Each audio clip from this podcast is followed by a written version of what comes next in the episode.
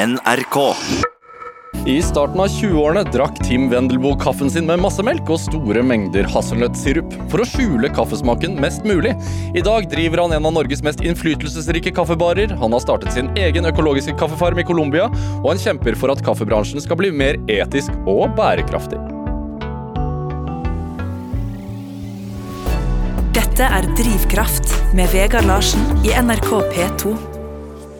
Tim Wendelboe, hjertelig velkommen hit til Drivkraft. Takk.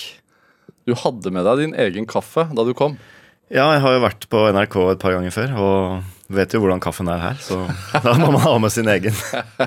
Ja, og, men det, og det var altså Du hadde ikke bare med en sånn take away-kopp fra en kafé, du hadde med din, din egen kaffe. Nei, ja, det var det, men jeg stoppet hos en eh, kunde her borte da, som jeg visste har min kaffe, så I, i, måtte du en omvei for å få den?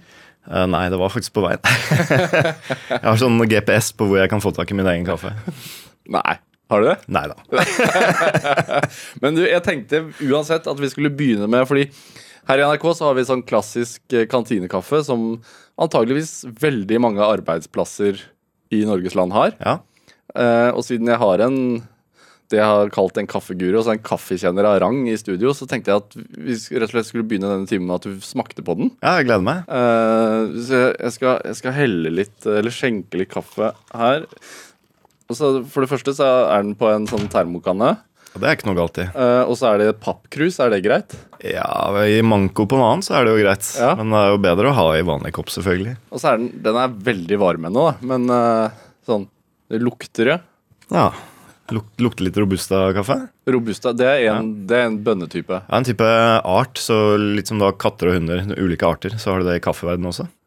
Eh, og robusta er jo da en plante som gjerne dyrkes på der hvor det er mye varmere. Eh, og planten er rett og slett mer robust og har mer koffein og ja, litt mindre av de gode smakene. Så den er veldig bitter og smaker litt sånn brent popkorn. Så det tar du veldig lett da når du lukter på den. Hvis det lukter litt sånn der brente maiskorn, så er det gjerne robusta i kaffen. da. Ja, For det er, det er to hovedbønnetyper. Ja, Som dyrkes kommersielt, så er det, det er to arter. da. Ja. Det er robusta og arabica. Men eh, innenfor arabica så finnes det jo flere hundre ulike varianter. Akkurat som du har med epler, så har du gule og røde og grønne epler. Men du har også ulike varianter av røde epler her i Norge, f.eks. Så sånn er det i kaffeverdenen. Og ikke alle arabica-sorter smaker like godt. Noen smaker fantastisk, mens andre smaker helt greit. Men, men dette her, altså denne kantinekaffen, det er en, en robusta, antar du? Og så Ja, det er nok en blanding, så det er sikkert noe både begge deler. da, For å gjøre den litt billigere, sikkert. Ja, hva syns du? Den var veldig varm, og også ganske bitter. ja. Og litt sterk. Den var litt mørktbrent, så da, da blir den jo gjerne litt sånn kraftigere Uh, Kraftigere bitterhet, vil jeg si. Uh, for det har egentlig ikke noe med styrke å gjøre. Um, jeg tror nok, Hvis jeg hadde jobba her, så hadde jeg nok ikke drukket så mange kopper om dagen. Men eh, kanskje jeg hadde drukket én, da, bare for å være høflig. ja. Nei, jeg, jeg føler jo at, at det føles ut som det er mye koffein i den.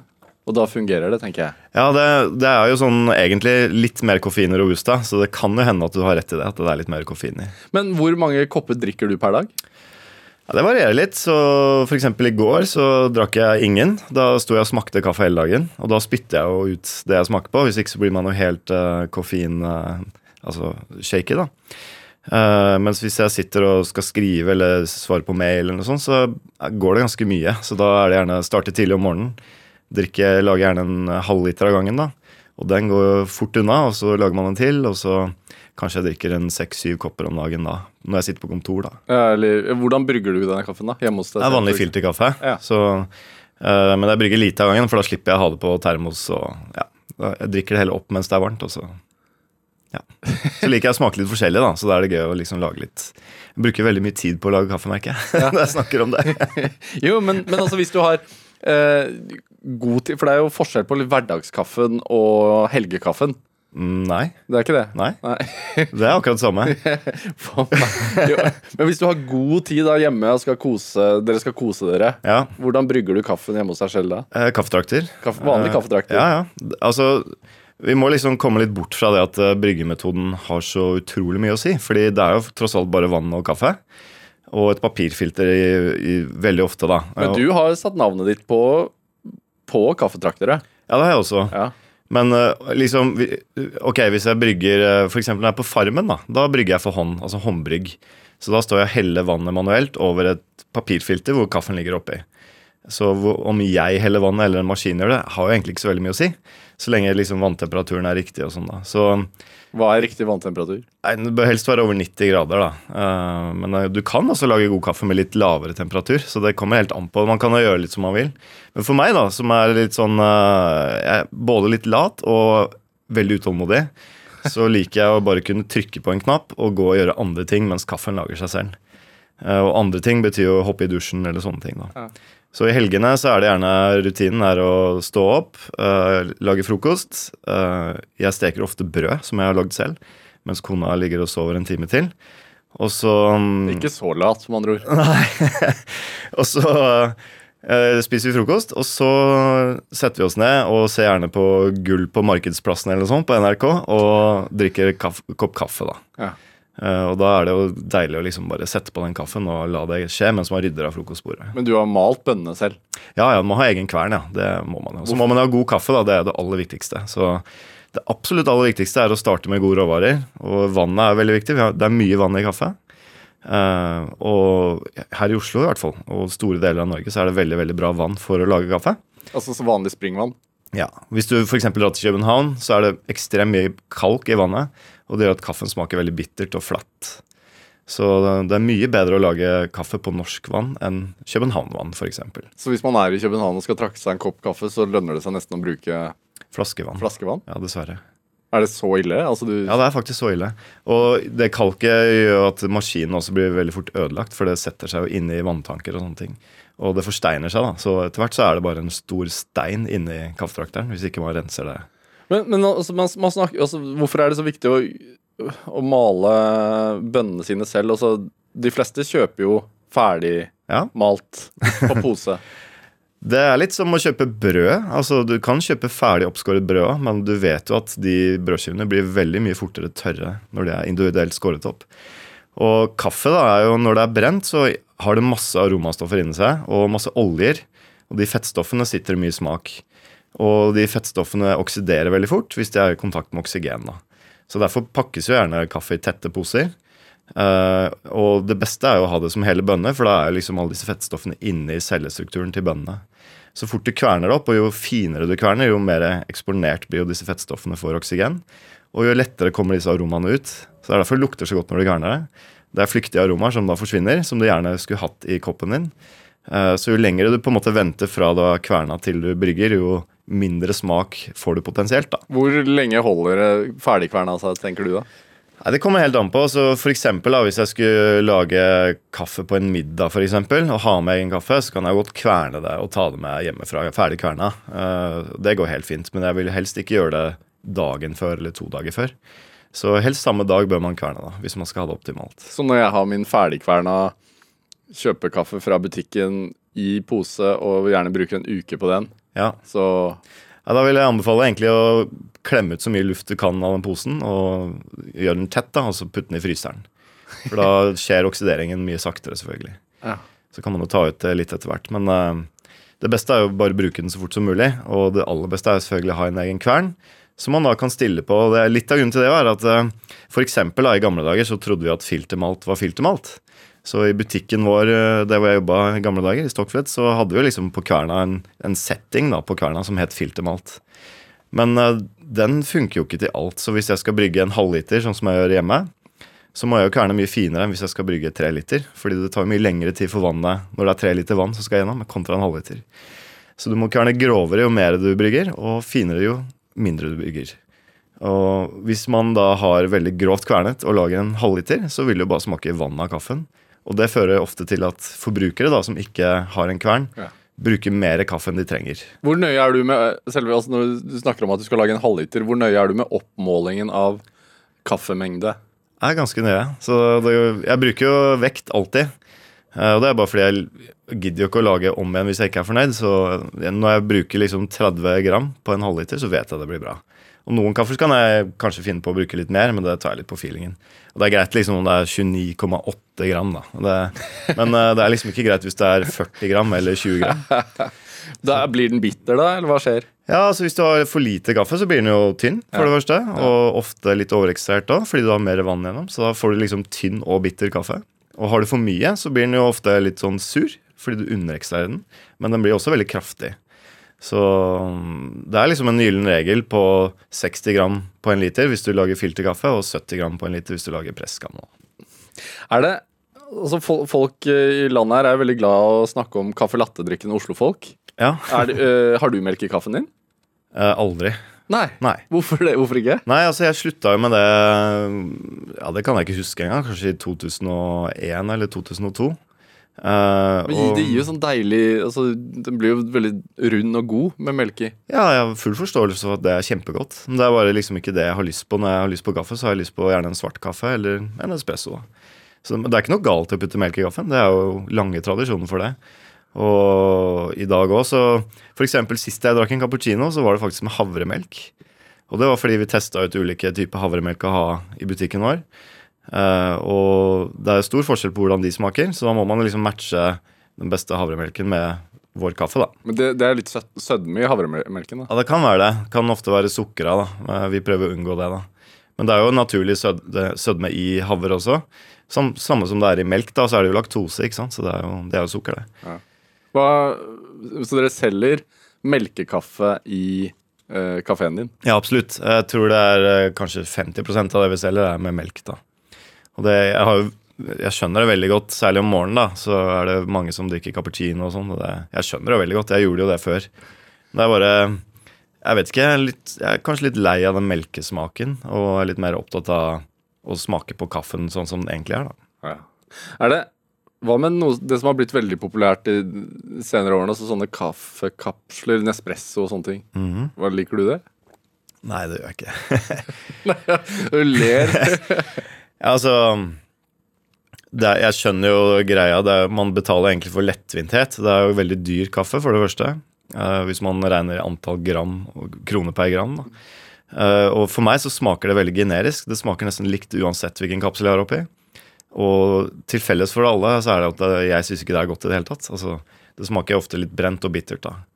Eh, og så er det jo ikke spesielt bra for miljøet, og man kan jo si hva man vil om resirkulering og sånne ting, men porsjonspakket aluminiuminnkapslet kaffe Man trenger ikke å være et geni for å skjønne at det ikke er så veldig bra. Hvor, hva er kiloprisen? Altså, det er sikkert Jeg tror det er faktisk det er eh, nærmere 600-700 kil kroner kiloen. Og det, for den prisen så kan du få liksom blant verdens beste kaffer eh, fra liksom auksjonskaffer. da. Eh, som er liksom solgt dyrt fordi det er kjempebra, ikke fordi det er pakket eh, i porsjonspakker. Hva med pulverkaffe? Nei, det er ikke kaffe. Nei? Nei, altså Uff. Nei, hvor skal jeg begynne? Eh, Det, er jo frys, det er, har jo vært filterkaffe en gang, og så har det jo blitt frysetørra. Jeg var faktisk på en sånn fabrikk i, i Colombia og så liksom hvordan dette blir prosessert. Og det er jo ikke for det første ikke den beste kaffen de prosesserer til å bli pulverkaffe. Fordi det, som de sa, det smaker nesten helt likt uansett hva du putter i. Robusta, antageligvis. Ja, er ikke så mye Colombia. De, litt grann, de importerer faktisk litt, for de har ikke nok kaffe. da Men det er gjerne da når du er på en farm, så blir det alltid liksom kaffe du sorterer bort fra den gode kaffen. eh, Og plukkinger som ikke er spesielt bra, fordi man med vilje går og renser trærne for det som er igjen. Eh, Og den kaffen blir ofte behandla deretter, så det er veldig dårlig. Jeg har til og med et bilde fra farmen, altså der hvor jeg bor da, når jeg jobber på min farm, eh, hvor det vokser liksom sopp opp av kaffebønnene. Um, så det er mye rart å se der. Men når du da brenner det veldig mørkt og prosesserer det såpass mye som du kan gjøre til pulverkaffe Nå sier jeg ikke at all pulverkaffe er sånn, da, men uh, mye av det er det. Da får man ikke så lyst til å drikke det når man vet hva som kommer inn. Og så smaker det jo veldig rart, og ofte er det mindre koffein i, da. Hellig masse melk. Ja. Ja, altså, uh, Tim Wendelboe, du er her i dag. Du, du er uh, kaffebrenner og barista. Uh, verdensmester, norgesmester.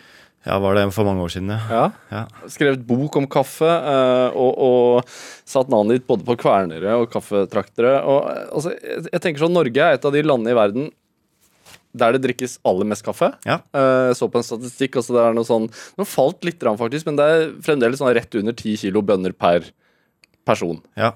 Eh, hva, hva er spesielt med sånn- altså, hva, hva vil du si er typiske norske kaffevaner?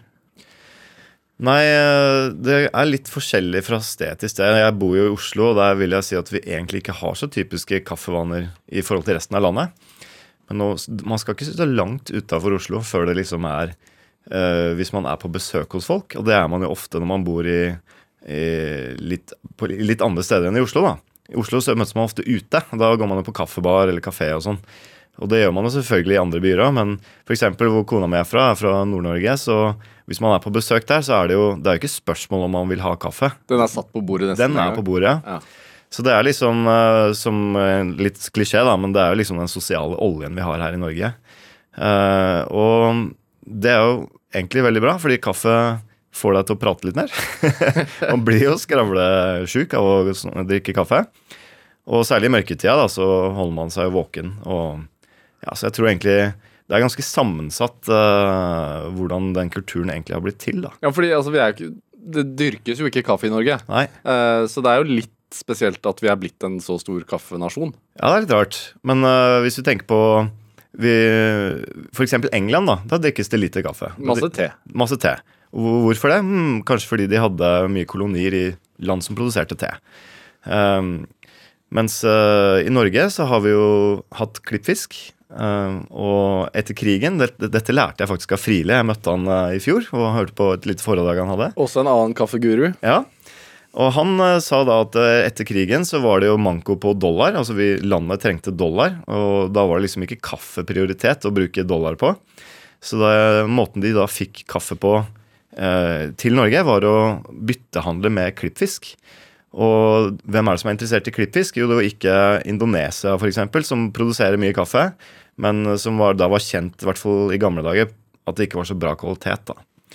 Så da snudde man jo hodet mot Brasil. Og de elsker jo bacalao. Eh, og de har masse kaffe. Og der var liksom generelle kvaliteten var høyere, da. Og den tradisjonen er jo veldig forankret i norsk kaffe i dag. Så, så det er en byttehandel, rett og slett? Ja. ja. Så hvis du da hvis du går på supermarkedet i dag og kjøper liksom Ali eller Friele eller Evergood, eller noe sånt, så er jo mesteparten av den kaffen fra Brasil. Og, så det er liksom en smak vi kjenner. Og, og for å være helt ærlig så er det jo ganske bra kvalitet på det også.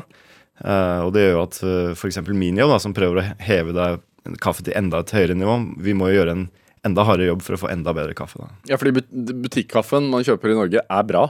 Ja, Sett i den store sammenheng så er det det. Så hvis du går på supermarkedet i Tyskland eller Spania eller, og kjøper bare kaffe fra supermarkedet der, og sammenligner med norsk kaffe på supermarkedet, så er det jo milevis forskjellig kvalitet. da. Ja.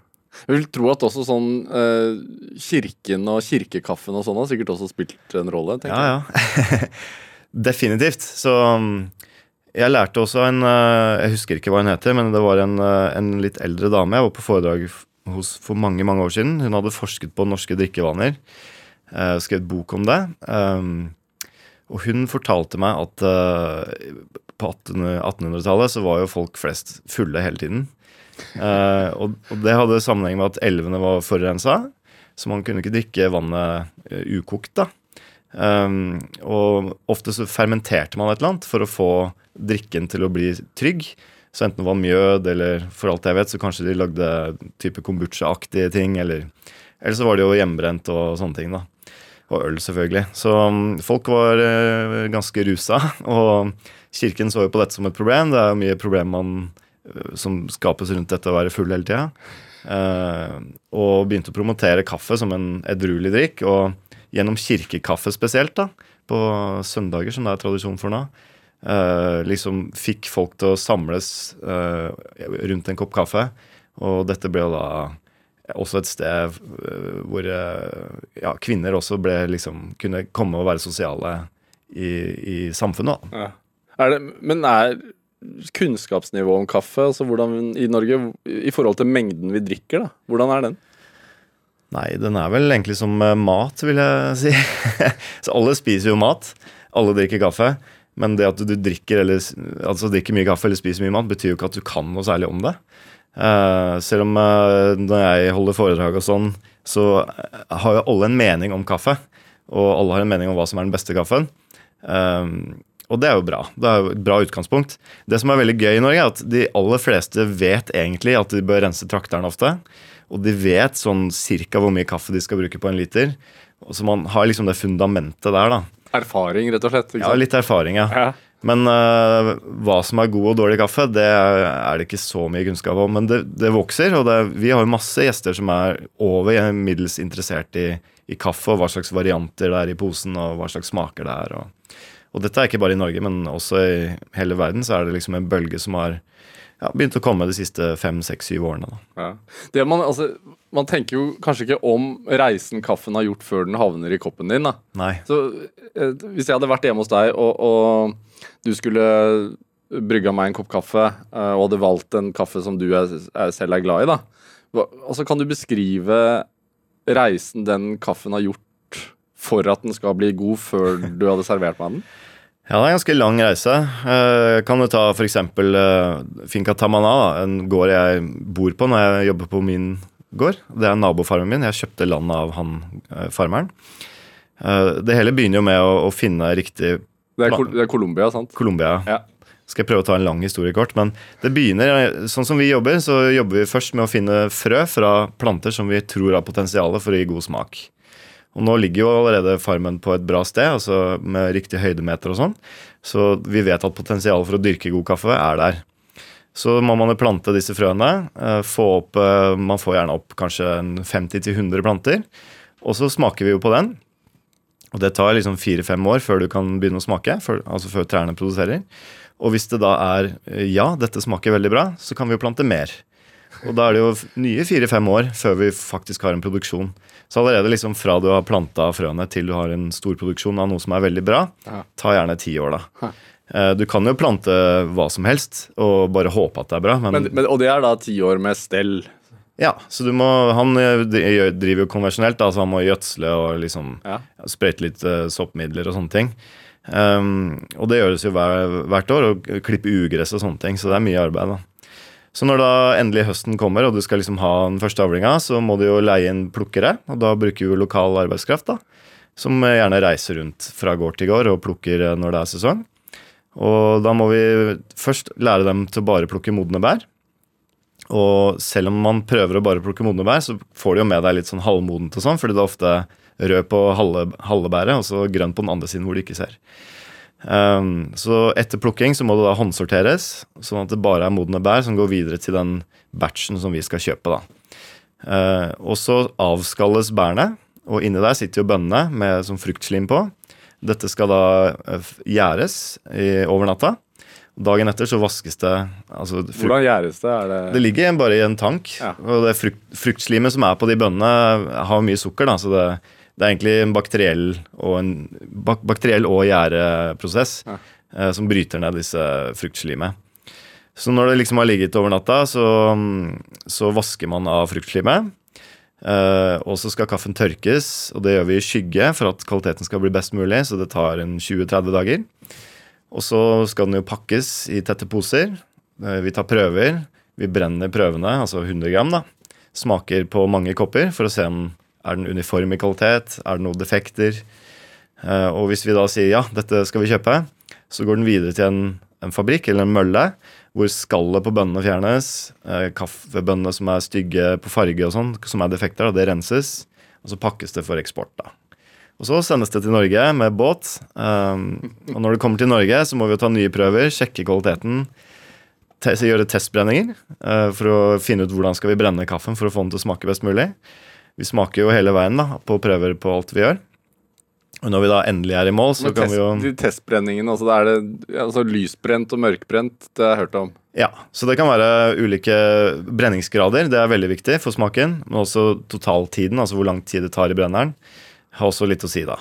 Så vi tester jo ulike profiler, som vi kaller det, da, med ulike temperaturprofiler og, og brenningsgrader som vi måler. da. Og så Det er jo smaken som er viktig, så eh, siden jeg har kjøpt kaffen, så har jeg på en måte smakt den såpass mange ganger allerede, så jeg vet liksom hva den har i seg av smak.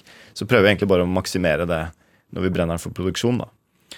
Så når vi da endelig skal begynne å produsere, så har vi jo da folk som veier opp eh, kaffe, brenner, eh, så det veies det i poser igjen, og det forsegles, og skal jo da pakkes i eske eller poser og sendes ut til kundene, og så skal det jo tilberedes, da.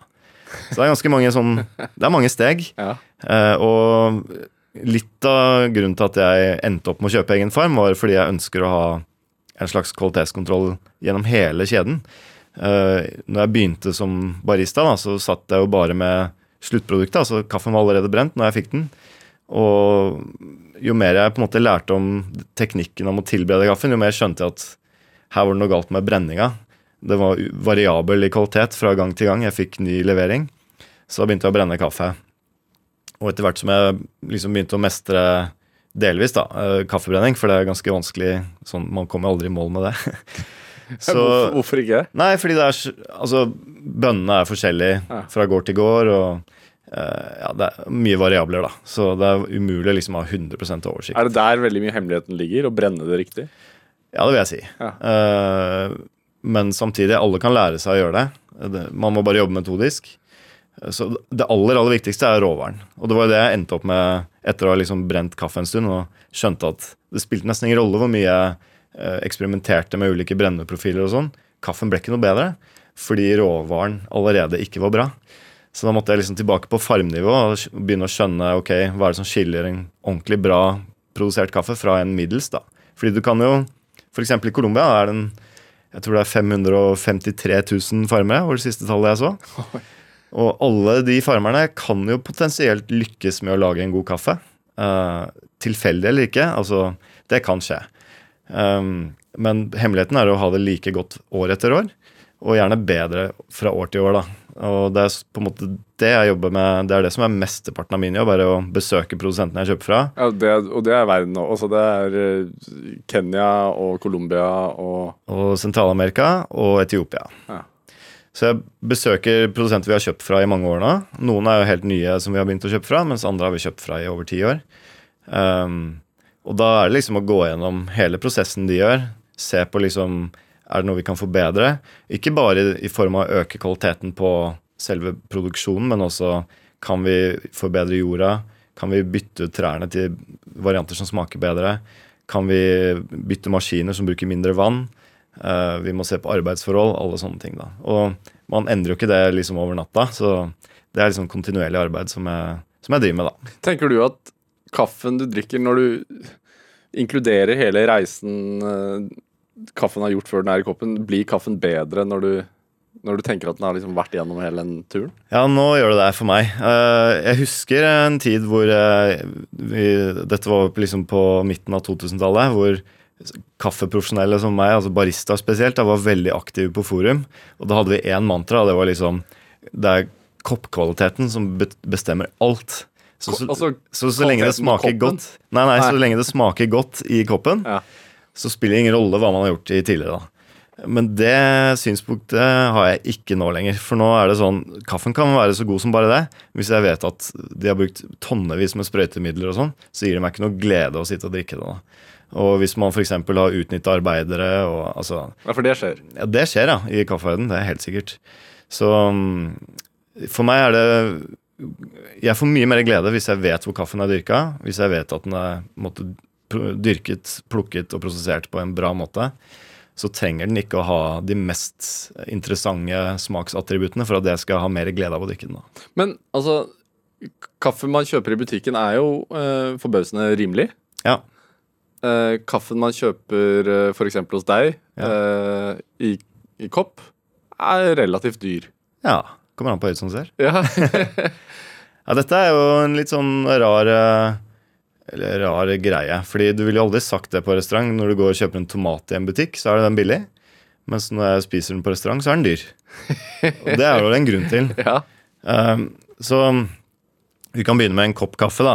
Um, i råvare, da Jeg tror jeg kanskje bruker eh, kaffe da, som råvare. Tre-fire kroner, kanskje fem kroner, hvis det er veldig god kaffe. For en kopp kaffe.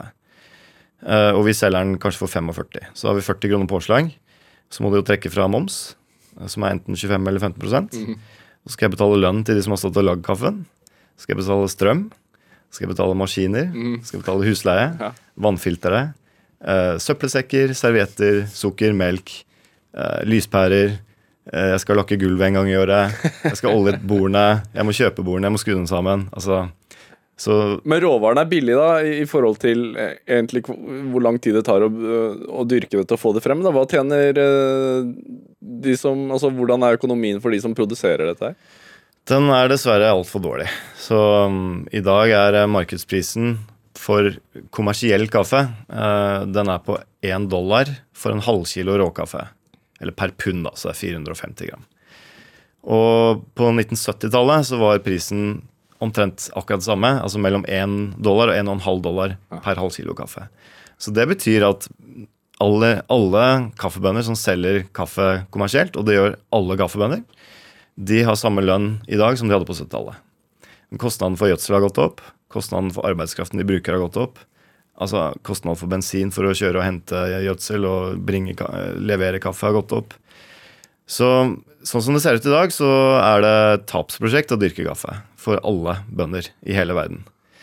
Eh, de eneste som klarer å presse noen marginer ut av det, er sånne svære 6000 hektar store farmer i Brasil, ja. hvor det foregår mekanisk plukking.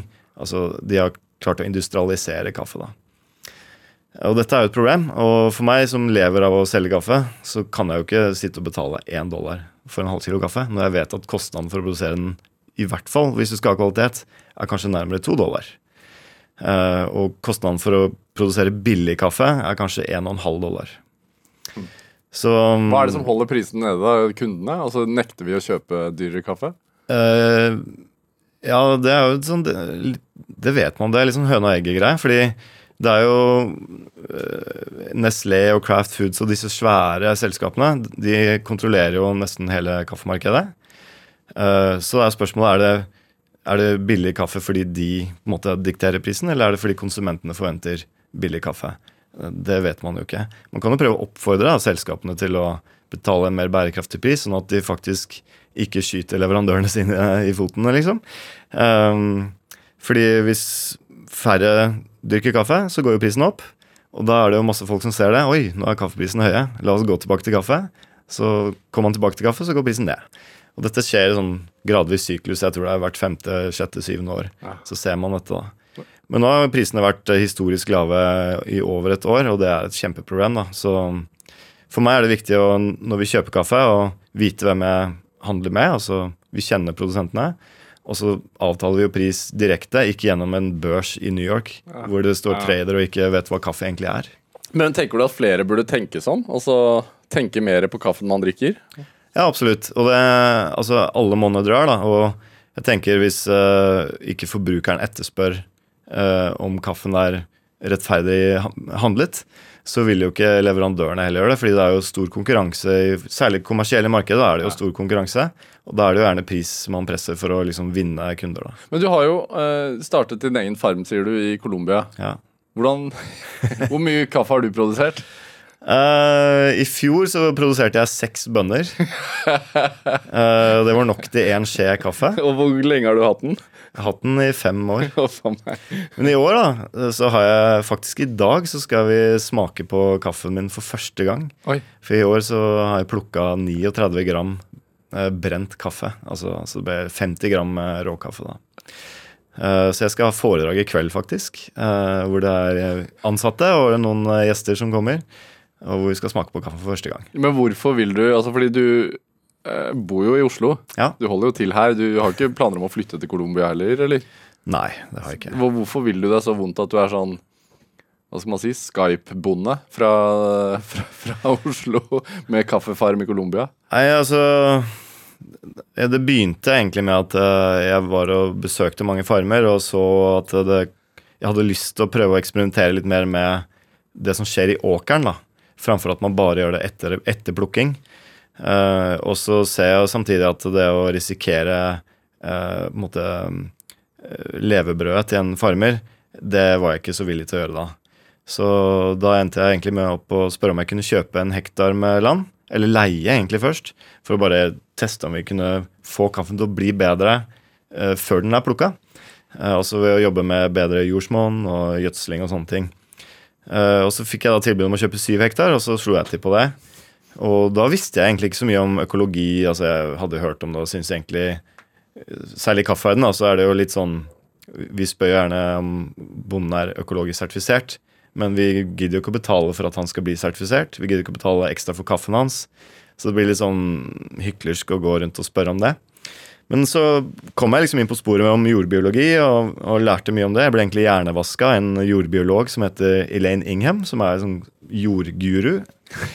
um, og har skjønt at uh, hvis jeg følger hennes teori, uh, jeg må bare finne ut hvordan jeg skal gjøre det i praksis, så kan man potensielt dyrke mer kaffe og bedre kaffe uten å måtte kjøpe kunstgjødsel eller sprøytemidler. eller noen ting. Da. Så man jobber egentlig bare med mikroorganismer i jorda og Ja. prøver å få mer av det i jorda. Da. Så det har liksom blitt hele misjonen med prosjektet. Det er å prøve å lykkes i dette, og, og ikke hvis, men når jeg lykkes, lære det bort til lokale bønder, sånn at de kan komme seg ut av den derre de må kjøpe gjødsel. Gjødselprisen går opp når oljeprisen går opp og sånne ting. Eh, og så er de veldig avhengig av mye ting som koster mye penger.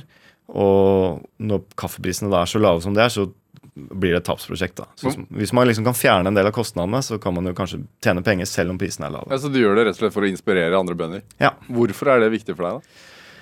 Eh, Jeg lever jo av å selge kaffe, da. Så hvis alle slutter å drikke kaffe, så er det jo et problem for meg. Nå er jeg ikke redd for at alle skal slutte å drikke kaffe, men jeg ønsker jo å ha den beste kaffen også. Og etter å ha lært eh, om hvordan naturen fungerer, hvordan den dyrker planter, rett og slett, så tror jeg at man skal kunne øke kvaliteten ved å gjøre det på en mer biologisk måte. da. Altså, i dag, eh, Du hører på Drivkraft på NRK P2. I dag så har vi Tim Wendelboe her, som eh, er rett og slett kjent for kaffen sin. Nå, tok du en slurk av Du tok feildrakk NRK sin Feil, feildrakk. Um, jeg, jeg tenker du, du leverer jo eh, kaffe til noen av verdens beste restauranter. Eh, Kaffen din kan man få på Noma i København. Ja. Eh, man kan få den på Maemo i Oslo. Enn Man så lenge. kunne i hvert fall det, Ja. før de skal jo nyåpne nå snart. Men, men da, før de stengte, så, så kunne du få kaffen din der. Altså, hvis du er hjemme hos noen og de skal servere deg en kopp kaffe, tror du at folk er litt sånn nervøse for å Unnskylder de kaffen de serverer deg? Eh, både ja og nei. Så uh, de, de som kjenner meg godt, vet jo at jeg svært sjelden drikker kaffe på kvelden. Så det er lurt å invitere meg på middag, for da, da er det ikke så farlig med den kaffen etterpå. Da vil jeg heller kanskje drikke vin eller brennevin eller et eller annet sånt. Eller en øl. Ja, det er jo gjerne fordi jeg har sittet og drukket kaffe hele dagen, eller smakt på kaffe hele dagen, så man blir litt sånn mett på det. da. Men er du fra, er du fra et kaffehjem? Ja, det vil jeg si. Absolutt. Så pappa øh, husker jeg fra da jeg var veldig liten. Han tok jo Han hadde alltid dårlig tid, selvfølgelig. Stressa jappe på 80-tallet. Han øh, tok instant-kaffe i koppen sin og varmt vann fra springen. Mens mamma, hun var, hun hadde, særlig når hun hadde syklubb, da, så hadde jeg tror det er seks-syv damer som kom på besøk. De har syklubb ennå. Jeg tror de har hatt den i over 40 år. Um, og da fikk jeg etter hvert liksom uh, lyst til å lage kaffe til dem, da, fordi det var så hyggelig når de sa til meg etterpå. Da du var barn? Ja, Ja. når, Da sa de ofte, liksom, hvis jeg hadde lagd kaffen, da, å, det var en nydelig kaffe. Og hemmeligheten var å ha en skje ekstra kaffe i, da. Så. Men uh, kaffe har alltid vært eh, liksom en sentral uh, Hatt en sentral plass i, i vårt hjem. Da. Og særlig når det liksom kom gjester på besøk, så var det alltid kaffe og kaker. Og. Når begynte du å like kaffe selv, da? Ja, det var etter at jeg begynte å jobbe med det. Så jeg var vel 19 år da, i 98. Ja. Så jeg begynte å jobbe i kaffebar. Eh, og før det hadde jeg jo bare drukket egentlig instant-kaffe på, på skolen. Ik- Ikke, ikke med varmtvann fra springen, som Nei, faren din. det var sånn automat eh, på skolen. Jeg vet ikke om det var sirup eller om det var pulverkaffe, men det smakte i hvert fall helt grusomt. Og jeg syns ikke det hadde noe effekt heller.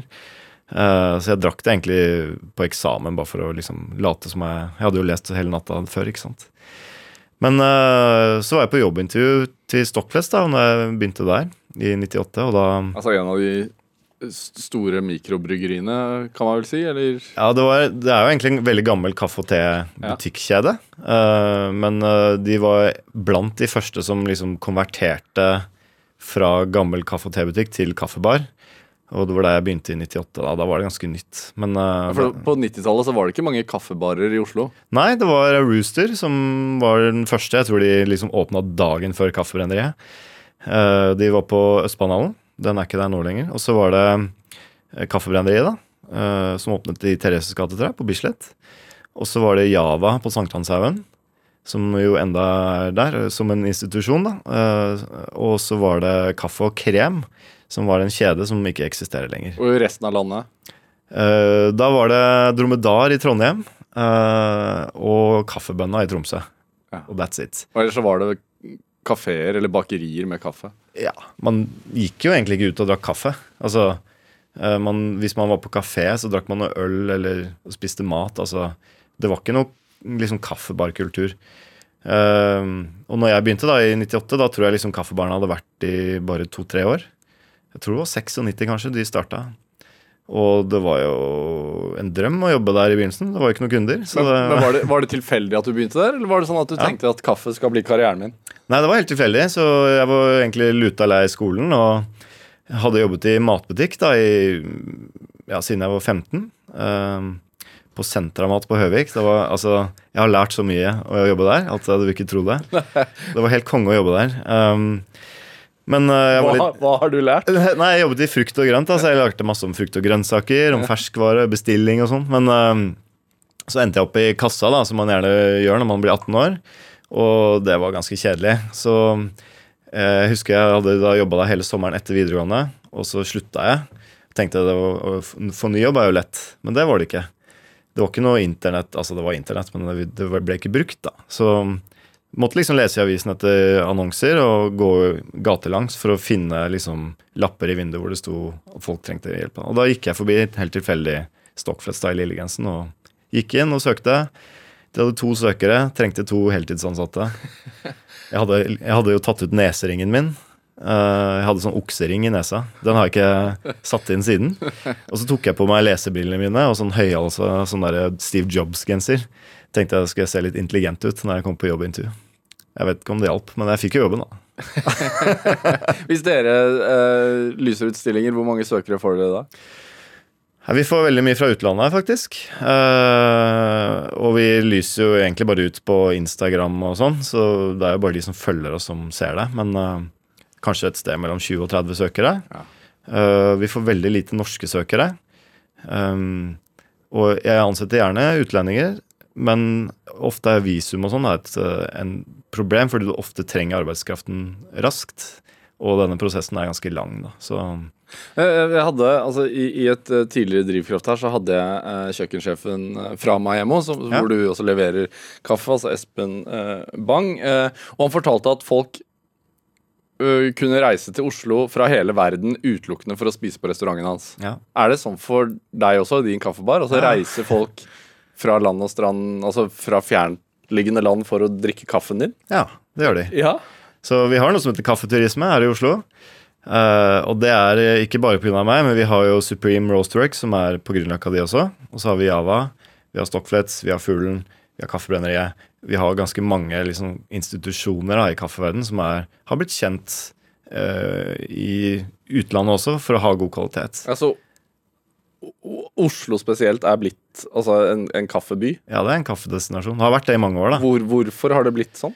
Nei, jeg tror det starta I begynnelsen så var det fordi vi hadde bedre råvarer her. Så øh, veldig mye av auksjonskaffen og sånn ble solgt til bl.a. Kaffebrenneri og Solberg Hansen, da, som supplerte veldig mange kaffevarer. Er det på grunn av altså, klippfisk-byttehandelen med Brasil? Og så er det Ja, altså I bunn og grunn så kommer det kanskje fra det, fordi vi er vant til god kvalitet. Og hvis vi da skal ha enda bedre kvalitet, så må vi liksom gå for det aller beste. Ja. Så har vi jo god økonomi i Norge, så det å kjøpe litt ekstra dyr eh, auksjonskaffe det er ikke, Vi får stolt det, liksom. Um, så i begynnelsen var det kanskje det, og så har jo liksom eh, Barista-verdensmesterskapet ble jo egentlig laget i Norge. Altså det formatet kom fra Norgesmesterskapet.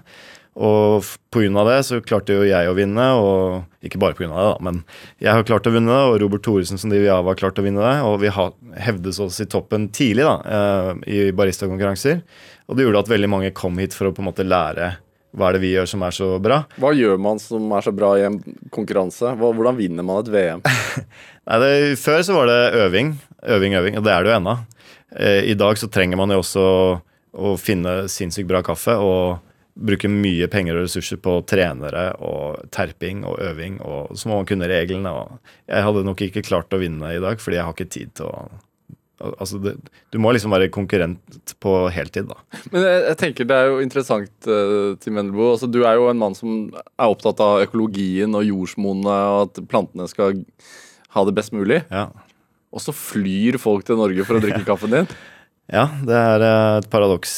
Men, eh, og vi har særlig veldig mange fra Asia, og Korea, Kina, Japan, som kommer Hvordan, eh, for å drikke kaffe. hvordan er de kundene i, i butikken? Det er veldig hyggelige kunder, eh, for de er jo veldig interessert i det vi driver med. Og ønsker gjerne å prøve flere kaffer. Og smake på ulike kaffer. De kjøper gjerne med seg et par poser hjem.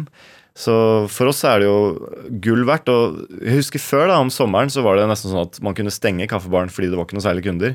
Mens nå er jo salget nesten dobla pga. alle turistene. Så. Ja.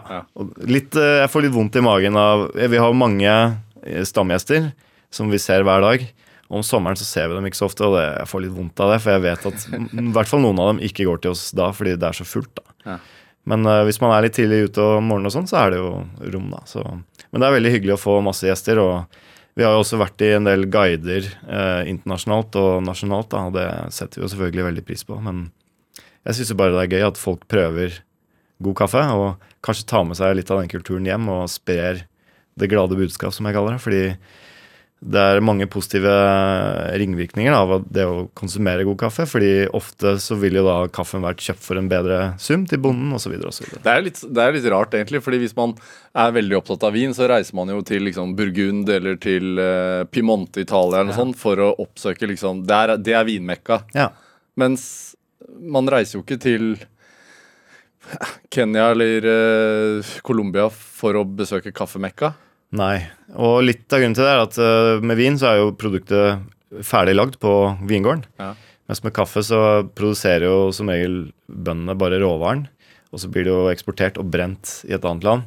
Og brenningsgraden har ekstremt mye å si på hvordan det smaker, og tilberedning, selvfølgelig. da. Så nå får, får du jo Jeg er jo mye i Colombia da, siden jeg går der, og det finnes jo masse bra kaffebarer der òg. Men for ti år siden så var det jo ingen. Så det sprer seg fort, dette her. Så jeg tipper at det, det vil bli mer sånn kaffeturisme hvor man faktisk drar til gården og opplever kaffe fra liksom bønne til kopp på gården. Da. Det tror jeg kommer til å bli mer og mer av. Men dessverre så oppfordrer jo det folk til å reise mer. Noe jeg syns er uh, vanskelig. Ja, det er kanskje det du skal drive med, sånn med gården på gården? Altså Ja. fra bønne til kopp? Ja, kanskje. Ja. Eh, brygge, altså sier- vi var jo så vidt innom bryggemetoder, du sier at de har ikke så veldig mye å si.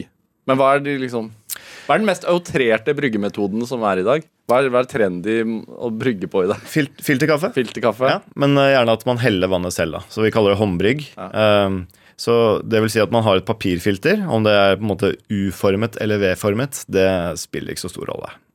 Men det er forskjell på papiret, eh, så det kan spille stor rolle. Men hvis man har liksom en av de mer anerkjente merkene, så kommer man lett unna med det. Og så må man jo ha en kvern, god kaffe og en eller annen form for vannkoker med en helletut som er lett å helle fra. Da. Og da brygger man gjerne én til to kopper av gangen. Og jeg tror grunnen til at det har blitt populært, er fordi for det første er det litt sånn meditativt å stå og lage kaffen. Eh, for det andre så brygger man jo mindre av gangen, sånn at kaffen holder seg fersk og smaker bedre. da. Det- Brygger man øh, og drikker man forskjellig type kaffe øh, på forskjellig måte i forskjellige byer eller landsdeler i landet? Vet du, vet Det er et godt spørsmål. Uh, nei. Uh, jeg vil si kanskje kokekaffe er litt mer vanlig i Nord-Norge enn det er i Sør-Norge. Vi, Eh, men i Norge generelt så er det filterkaffe som er kongen. Altså. Og det er jeg veldig glad for, fordi det er jo den letteste måten å få kaffen til å smake godt på. hva syns du om kokekaffe, da? Det er kjempegodt. Ja? Ja, det er det. Nå begynner jeg å bli gammel vet og få litt høyt kolesterol, og sånn, så får jeg ikke lov å drikke så mye av det. Nei, for det er det. Det er, det, det er høyt kolesterol i det. Ja, men å drikke det inni det er helt konge, og, og særlig når man er på tur. da, og Det smaker jo fantastisk. Og når jeg smaker kaffe selv, da, profesjonelt, så er det jo egentlig kokekaffemetoden vi bruker. Altså Vi har jo kaffegruten i en kopp, heller på vann, og så måte bruker vi en skje og tar fra toppen av koppen og smaker på det. Men er det sånn, altså når man uh, er så bevandret i kaffens verden som du er, altså er det litt sånn at Vis meg, vis meg kaffen din, og jeg kan si deg hvem du er? Typ for deg? Uh, litt, du litt. ja, litt.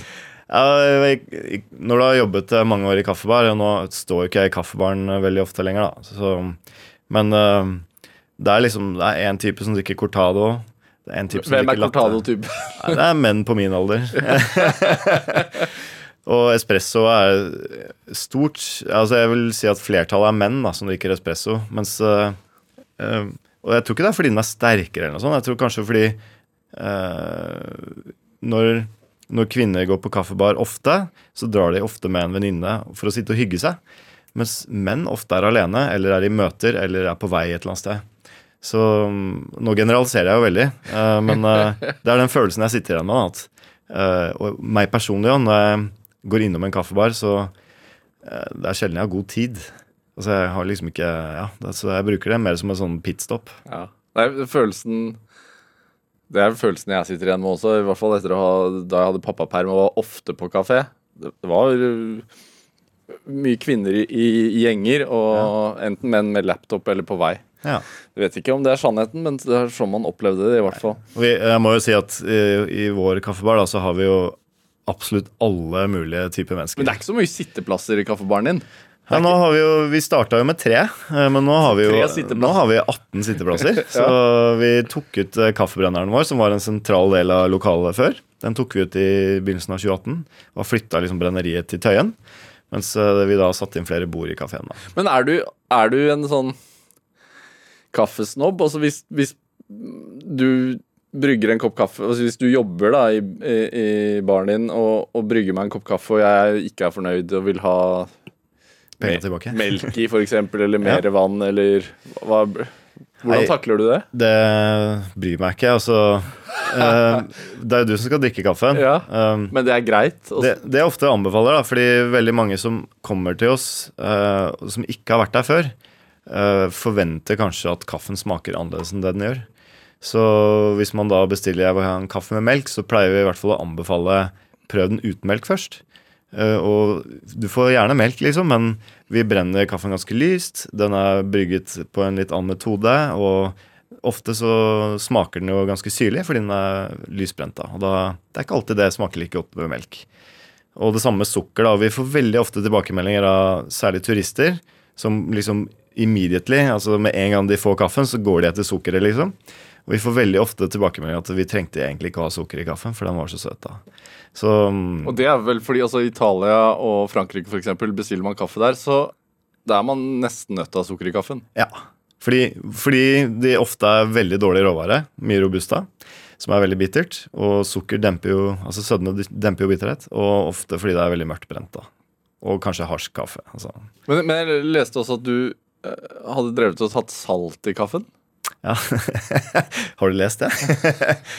ja, det har jeg prøvd. Eh, det kan fungere, det. Men eh, hvis jeg skal velge, så putter jeg nok sukker, i. ja. og jeg bruker sukker i kaffe selv, og ikke bare hvis kaffen er dårlig. Så eksempel hvis jeg har en, eh, en espresso som er laget med kaffe fra Kenya eller Etiopia, som er veldig syrlig og fruktig og sånn, så kan det være digg å ha litt sukker i, fordi da fremhever du den fruktigheten enda mer. Da. Så alt er egentlig greit. Alt er greit. Ja. Tim Wendelboe, du eh, har jo opparbeidet deg et, et navn i kaffebransjen og, og skrevet bok om dette her og startet din egen farm, som vi fremdeles skal venter vente noen år før man kan handle i butikken, kanskje. Men, men altså, hva, hva er drivkraften din i dag? Nei, Det er så mangt, da, men uh, det jeg brenner mest for, er jo egentlig det som skjer i produsentlandene. Så å få kaffebransjen til å forstå at vi er nødt til å behandle produsentene bedre uh, ved å betale en bedre pris, men også ikke bare gi dem mer penger, men også lære dem hvordan de kan dyrke bedre kaffe og på en mer bærekraftig måte. da. Hva, hva er favorittbønnen din, da? Nei, Det veksler litt, men eh, jeg tror hvis jeg skulle liksom velge en kaffe for resten av livet, så ville jeg nok hatt uh, kaffe fra Kenya. Uh, de dyrker en variant som heter SL28. Det høres jo veldig teknisk ut, men uh, det er da en menneskekryssa variant som smaker veldig godt.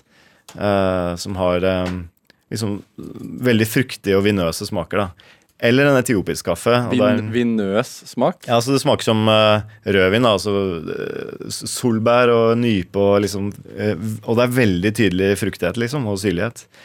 Og Etiopia har jo da mye varianter som er liksom kommer vilt fra skogen der, som man dyrker.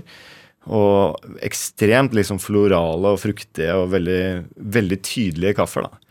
Og det, den kompleksiteten der finner man sjelden i andre land. Men liker nordmenn den type kaffe? da? Ja, ja, mer og mer. Ja. Så jeg husker når jeg begynte med kaffe, så var det den mest populære kaffen var noe som het Monsun Malabar. Som egentlig er gammel kaffe. Eh, den, den, den lagres med vilje og på en måte går gjennom en prosess for å smake gammelt. Råkaffen, da. Eh, og da mister den syrlighet. Så den er liksom helt uten syre. Og så smaker det dessverre ofte litt mugg og litt sånn jordlige toner, da. Det kan også være ålreit, men eh, i hvert fall i gamle dager da, så var det ikke spesielt ålreit, det vi solgte. Og det var det som var den mest populære kaffen. Det skulle ikke være syre i kaffen. Mens nå er det vi selger mest er kaffe fra Kenya. Masse syre og masse frukt. da. Så det, Det er liksom vin og kaffe er, er i slekt. ja, det, jo, det handler jo om smak, da. Ja. Så det har jo skjedd med f.eks. champagne. I dag er jo den knusktørr. Mens eh, for 50 år siden så var den jo veldig søt. Ja, masse sukker i. Så folk utvikler liksom Smaken utvikler seg ikke bare individuelt, men også i samfunnet så utvikler den seg. Hva med sånn verdens dyreste kaffe, sånn uh, som har blitt spist av dyr og gått gjennom hele tarmen og skjeti ut og Verdens dyreste dritt, Ja. hvis det er lov å si. Ja. Nei, altså Jeg vil jo fraråde folk å kjøpe det. For det første så støtter man en industri hvor man ofte har dyr i bur. Og bare mater dem med kaffebær. Og disse dyrene har det ikke spesielt bra. Uh, og så blir man jo selvfølgelig ofte lurt, fordi det skal ganske mye dritt for uh, disse små dyrene til for å produsere bare en sekk med kaffe. Og for det tredje så smaker det jo helt forferdelig. Så jeg smakte jo på menneskeskapt uh, sånn Lua-kaffe her på P3. Det var uh, Markus Neby, er det ikke det han heter? Det var ikke godt, Det var ikke godt, det smakte dritt. Tim Vindbo, tusen hjertelig takk for at du kom hit til Drivkraft. Bare hyggelig. Hør flere samtaler i Drivkraft i NRK Radio på nett og app, eller last oss ned i din podkast-app. Følg oss også gjerne på Instagram på NRK Larsen. Send forslag til gjester jeg kan invitere hit til programmet. Send en e-post til drivkraftalfakrøll.nrk.no. Produsent i dag var Kjartan Aarsand. Jeg heter Vega Larsen. Ha det bra. Du har hørt en podkast fra NRK P2.